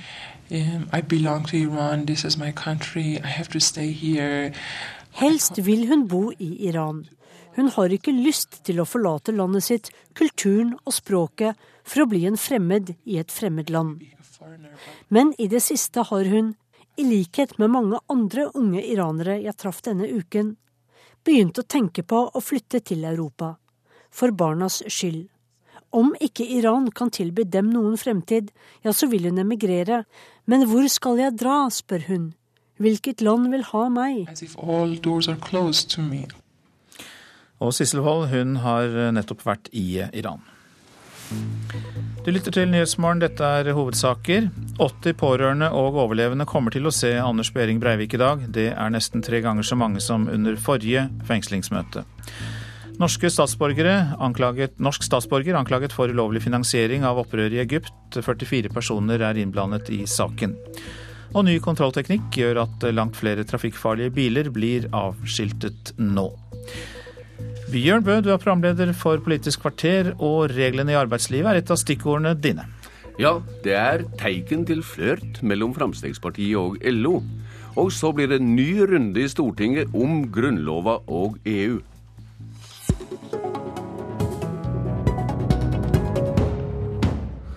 Norges tilhøve til EU skaper ustanselig politisk tenning. Jeg bare nevner vikarbyrådirektivet. Og i morgen skal Stortinget handsame grunnlovsframlegg om å gjøre det lettere å melde Norge inn i EU. Framlegget går ut på at det skal være nok med to tredels flertall i Stortinget for å gi bort suverenitet til overnasjonale organisasjoner. Kravet i Grunnlova nå er tre firedels flertall. Marianne Aasen fra Arbeiderpartiet, du er med på dette framlegget. Hvorfor vil du ha denne endringa? Dette handler ikke om EU-medlemskap, egentlig. Dette handler om hvordan Stortinget skal forholde seg til folkeavstemninger. Mm. Folkeavstemninger er veldig sjelden til Norge. Vi har hatt seks stykker av dem. Og normalt så avgjøres alle saker i Stortinget av eh, et simpelt flertall. Eh, flertallet bestemmer over mindretallet. Og vi er da folkevalgt og valgt på det grunnlaget. Men så er det disse få gangene hvor vi har folkeavstemning, da, som er rådgivende. Vi har hatt om kongehuset, vi har hatt om alkohol, forbud mot det, og vi har hatt om EU. Ikke minst om EU. Det er riktig. Og da er det min klare oppfatning, og heldigvis er det sånn i hele Arbeiderpartiet som jeg representerer, at alle der tar det som en selvfølge at eh, vi følger alle de rådene vi får ved en eventuelt folkeavstemning. Så er det noen partier som har sagt åpent at det akter ikke de å respektere, uansett flertallet. Hva, hva, folkeflertallet mener. Og dermed så får vi en situasjon som er ganske krevende eh, i et demokrati. Det skjedde i 94, hvor det var minst ett parti, men også til dels et annet parti, Senterpartiet og SV, som åpent sa at ikke de ville følge flertallet eh, og stemme for i stortingssalen hvis det hadde blitt et ja. Mm. Og det mener jeg Norge ikke kan leve med. Per Olaf Lundteigen, du sitter i konstitusjonskomiteen i Stortinget for Senterpartiet, og Marianne Aasen henger ei bjølle på deg. Og hvorfor holder du da så sterkt på dette sterke mindretallsrettskravet? Det er sjølsagt at vi ønsker å verne om Grunnlovens bestemmelser. Det skal være et veldig stort flertall i Stortinget for at den skal kunne tilslutte seg en union. Det er jo unionstilhengerne som eh, har fremma forslaget. Det er jo EU-tilhengerne. Det er jo feil det som Mariann Aasen her sier, at det ikke er EU-saken som driver saken. Når hun samtidig sier at den skal følge en folkeavstemning, ja vel, da kunne jo Arbeiderpartiet stemt for at den skulle ha bindende folkeavstemninger, men det gjør de jo ikke. Så for Senterpartiet så er det altså det sentrale vern om Grunnloven, sikre at det skal et stort flertall i Stortinget til for mm. at du skal gå inn i en union ja, ja, som blir stadig mer omfattende. Stort flertall, sier du, men dersom en skal ta vare på mindretallsretter, så er det vel to tredels flertall trygt i en slik sammenheng? Ja, det er to tredjedels flertall, men det gjelder jo da for grunnlovsendringer, og da eh, er det jo et mellomliggende valg. Ja, men det Endringsframlegget går ut på å gå fra tre fjerdedel til to tredjedel nå, ikke sant? Det gjør det, men eh, det vil jo da si at du med to tredjedeler kan altså melde Norge inn i en eh, union. Eh, og Det har du da eh, anledning til etter da det grunnlovsforslaget som Arbeiderpartiet her ønsker. Mens hvis den skal eh, endre loven ellers, så kreves det da et større mm. flertall. Sånn at Senterpartiet er et grunnlovstroparti. Vi har vist seg at det har vært en fornuftig måte å ha det på. Og vi har jo fått stadig mer rett i at det ikke er noe saklig begrensa område som en EU-medlemskap gjelder. Og det er jo hele innholdet da i paragraf 93, så vi står på veldig trygg grunn. Men Marianne Aasen, det er vel en grei argumentasjon argumentasjon, dette? Nei, for jeg syns han er svært lite tro mot eh, folkeavstemningsprinsippet. Jeg skjønner ikke at Senterpartiet egentlig vil ha folkeavstemning i det hele tatt. For nå de, har de også et forslag inne da, om at, være, at, vi er nødt til å ha rådgivende folkeavstemning ved EU-sak. Eh, mens det skal ikke være bindende.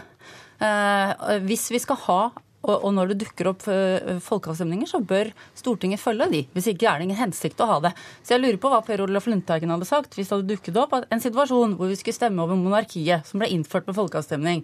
Og det viser seg at folket fortsatt vil ha monarki. Men så er det tilfeldigvis en sammensetning på Stortinget av folk som ikke vil ha det.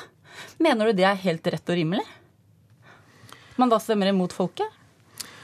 Folkeavstemninger i vår konstitusjon de er eh, rådgivende Eh, det er et prinsipp som vi syns er greit, for til sjuende og sist så er det de som er valgt av folket som skal ta de endelige beslutningene. Og da er det klare regler for hvordan en skal gå fram i en sånn sammenheng. I forbindelse med overgivelse av suverenitet, hvor det går på nasjonalstaten løs, så skal flertallet være svært stort. For da må vi sikre at det blir stor grad av enighet i landet når en gjør slike beslutninger. Nettopp, og det er ment en situasjon hvor det ikke er folkeavstemning. Og da er jeg helt enig. Hvis vi skal avgi suverenitet og det ikke er noen folkeavstemning, da er det helt helt Arbeiderpartiet støtter 100% at det er en fjerdedel da. Men når vi har den rådgivende folkeavstemning, så kan jeg ikke fatte og begripe at Senterpartiet setter seg opp mot folkets flertall. Hvis Arbeiderpartiet snakker så mye om folkets flertall, så kunne de stemt for at folkeavstemningen i EU-spørsmål skulle være bindende. Det har de ikke gjort. Ja, det ligger et uh, slikt framlegg også i Stortinget til handsaming i morgen som blir klart nedstemt. Lundteigen, hvorfor holder denne angsten for EU-medlemskap så varm når medlemskapsspørsmålet er så langt unna? Nei, det er jo ikke vi som holder det her spørsmålet oppe. Altså, Det forslaget her er fra fire sterke EU-tilhengere. To av dem har vært tidligere ledere av Europabevegelsen. Og Europabevegelsen har jo på sitt program å gå inn for Europas forente stater. Det er altså ikke noe småtteri som, som de her menneskene går inn for. Og det er klart at vi må da vise muskler og vise at uh, ut ifra vår konstitusjon så ønsker vi ikke en slik utvikling. Marianne, Marianne Aasen, jeg i svært nøyd Meldinger fra organisasjonen Nei til EU mener en å vite at utbrytere i ditt parti kommer til å syte for å røyste ned framlegget deres. Er ikke hele greia bortkasta? Eh, nei, jeg synes Det kommer tydelig fram her at eh, Senterpartiet ikke aksepterer folkeavstemning. Og det jeg i hvert fall vet om mine egne partifeller, er at de uansett vil følge folkets vilje, og det er jeg svært tilfreds med. Mm. Men spørsmålet om norsk medlemskap, det er like langt unna for deg som uh, ja, men, for Lundteigen? Nå, er det ikke, nå er det ikke aktuelt med ny folkeavstemning. Men det dette handler om, er jo om hvordan Senterpartiet og andre partier, skal, mm. småpartier, skal forholde seg til, at, om, til et folkeflertall i en folkeavstemning. Og jeg syns det, det handler ikke bare bare om, om EU-saken, det handler om synet på demokrati. Så det vil knuse knuse deres potensielle makt eh, i et eventuelt tilfelle, slik du Nei, altså dette skal folket avgjøre en folkeavstemning. og Det er, det, er den kulturen som har oppstått i Norge rundt denne saken. Og det syns jeg Senterpartiet bør akseptere, som alle andre partier. Jeg syns Arbeiderpartiet bør være litt mer ydmyk i det her spørsmålet. Senterpartiet har stått sammen med folkeflertallet i det her spørsmålet, og har i dag et folkeflertall bak sitt syn som er historisk høyt. Derfor så syns jeg en skal være forsiktig med å ha en slik nedlatende holdning til de på Stortinget som har forsvart norsk konstitusjon fram til i dag. Og så blir da truligvis, så vidt vi kan forstå pressemeldinga fra Nei til EU, dette framlegget nedrøsta da, Marianne Aasen? Eh, At framlegget dykker, det får ikke det nødvendige ja, Jeg har ikke telt opp, jeg bruker ikke tida på å telle opp hva Nei. kollegaene mine kommer til å stemme. Vi får se. Takk til Per Olaf Lundteigen og Marianne Aasen.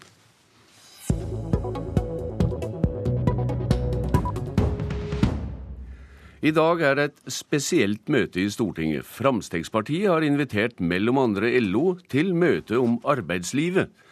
Robert Eriksson fra Fremskrittspartiet, du er leder i arbeids- og sosialkomiteen i Stortinget. Fremskrittspartiet og LO har ofte framstått som motpoler i arbeidslivspolitikken. Hva vil du med denne beinflørten? Nei, Vi har eh, i dag et stort seminar om framtidas arbeidsliv. Eh, vi mener at det er viktig å diskutere arbeidslivspolitikk. Vi mener det er viktig å møte fremtidas utfordringer, og da må vi diskutere med LO. Alle de her organisasjonene som eh, som organiserer arbeidstakere, men også skal vi diskutere med de som organiserer arbeidsgiverne på de ulike feltene i, i arbeidslivet. Nettopp for å få innspill, synspunkter på hvordan vi løser fremtidens eh, utfordringer for å skape et trygt, men ikke minst et fleksibelt, moderne arbeidsliv for neste generasjon. Førstesekretær i LO Trine Lise Sundnes, hvor mjukt vil du svare Robert Eriksson på hans vennlige innbjuding? Nei, Først og fremst har jeg lyst til å eh, takke for initiativet. Eh, det er veldig bra at vi kan få en, eh, en eh, runde på, på, arbeidslivet, og at, eh, og at Frp inviterer invitere partene til å komme med sine synspunkter. Fra LOs side så vil jo vi komme til å fokusere på, på arbeidstid, eh, hva vi ser som problematisk der. Ansettelsesformer, forholdet mellom faste, midlertidige og innleide. Eh, og det som går på forsvarlig bemanning innenfor spesifikke sektorer. Når det kommer til fleksibilitet, så har jo arbeidstakere i Norge en lovfesta rett til fleksibel arbeidstid. Men vi får tilbakemelding fra våre medlemmer at det er vanskelig, fordi det stoppes av denne mm. ulempe til ulempen for virksomheten. Uh, og det er vanskelig å få avtaler om fleksibel arbeidstid. Det er bl.a. noe vi kommer til å ta opp med, uh, med Frp.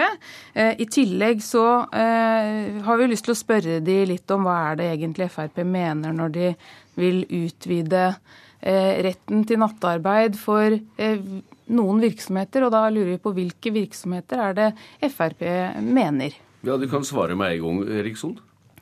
Nei, for det første, så eh, Jeg syns det er fornuftig å ta imot disse innspillene og så, og så diskutere det. Men jeg ser for meg framtidas eh, arbeidsliv, der eh, neste generasjon med ungdommer, med nye familiesituasjoner, ikke sant, som det vi går i rekordfart fra industrialiseringssamfunnet over til, til kompetansesamfunnet, med nye jobber, som det vi ser det at flere kanskje ønsker å kombinere familie og jobb på en helt annen måte.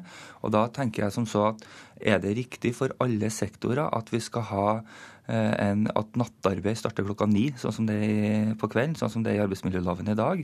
Går det an å ha en annen type fleksibilitet for, for enkeltyrker, men samtidig som at man ivaretar de tunge, tradisjonelle yrkene der man vet at det vil være uhørt å starte uh, nattarbeid på, på senere enn det som er tilfellet i dag.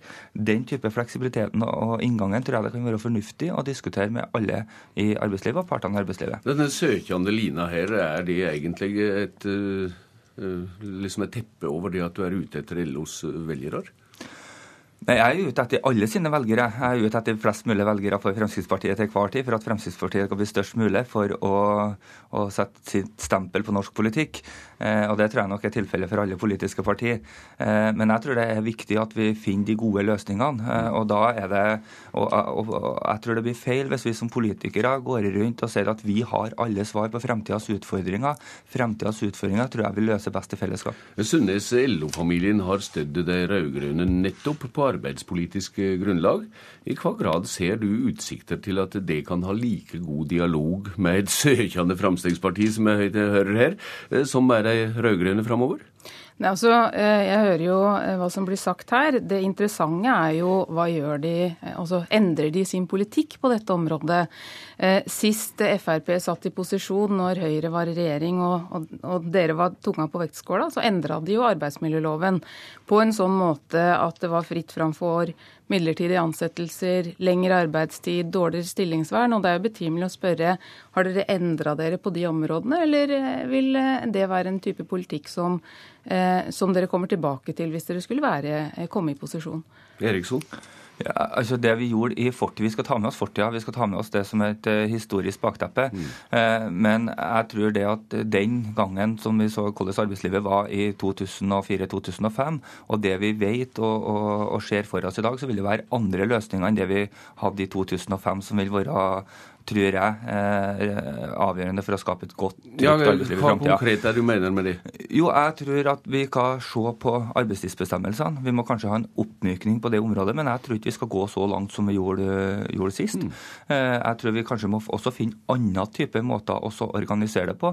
Går det an å finne andre løsninger for å oppnå den fleksibiliteten enn den måten vi ensidig så på arbeidsmiljøloven på? Det er jo spørsmål som jeg syns er interessant å utfordre og diskutere med LO, eh, og kanskje gi enda enda mer makt ned til det lokale, eh, lokalt i organisasjonene for å avgjøre hvordan det her fleksibiliteten skal utformes. Det tror jeg også vil være et viktig spørsmål. Sundnes ikke like langt som før, sier Eriksson som svar på ditt direkte spørsmål her. Da er det en flørt likevel, dette da? Men, men det han i utgangspunktet sier her, og det er ikke mer enn et år siden på landsmøtet deres, at eh, både de uttalte at arbeidsmiljøloven var gått ut på datoer, og Tybring-Gjedde har jo også tidligere vært ute og sagt at tariffavtaler er noe eh, idioti, var det vel eh, den gangen han var ute og sa.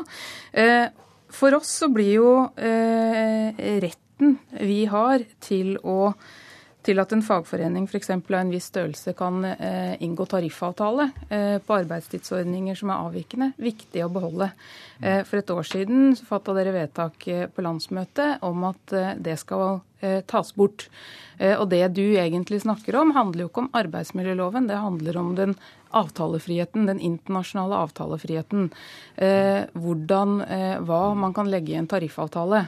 Eh, det er jo noe helt annet enn å problematisere fleksibilitet i arbeidstidskapitlet, for det er jo ekstremt fleksibelt. Mm. Ja, Eriksson, eh, hva syns du om det overtyren til denne flørten og dialogen med LO? Jeg, jeg syns det er, er, godt å høre at vi kan ha en god dialog på det her. Og jeg syns det er også fornuftig å finne de her gode løsningene. Så vil vi helt sikkert være på en rekke områder der LO og Fremskrittspartiet også er uenige i framtida. Men la meg bare avslutte med at vi i Fremskrittspartiet ønsker ikke å fjerne tariffavtalene. Om det er enkelte i vårt parti som har gått ut og sagt at det er idioti, eh, så kan jeg vel avkrefte at men, det er Fremskrittspartiets politikk. Men det ligger jo i den resolusjonen dere vedtok på landsmøtet i fjor.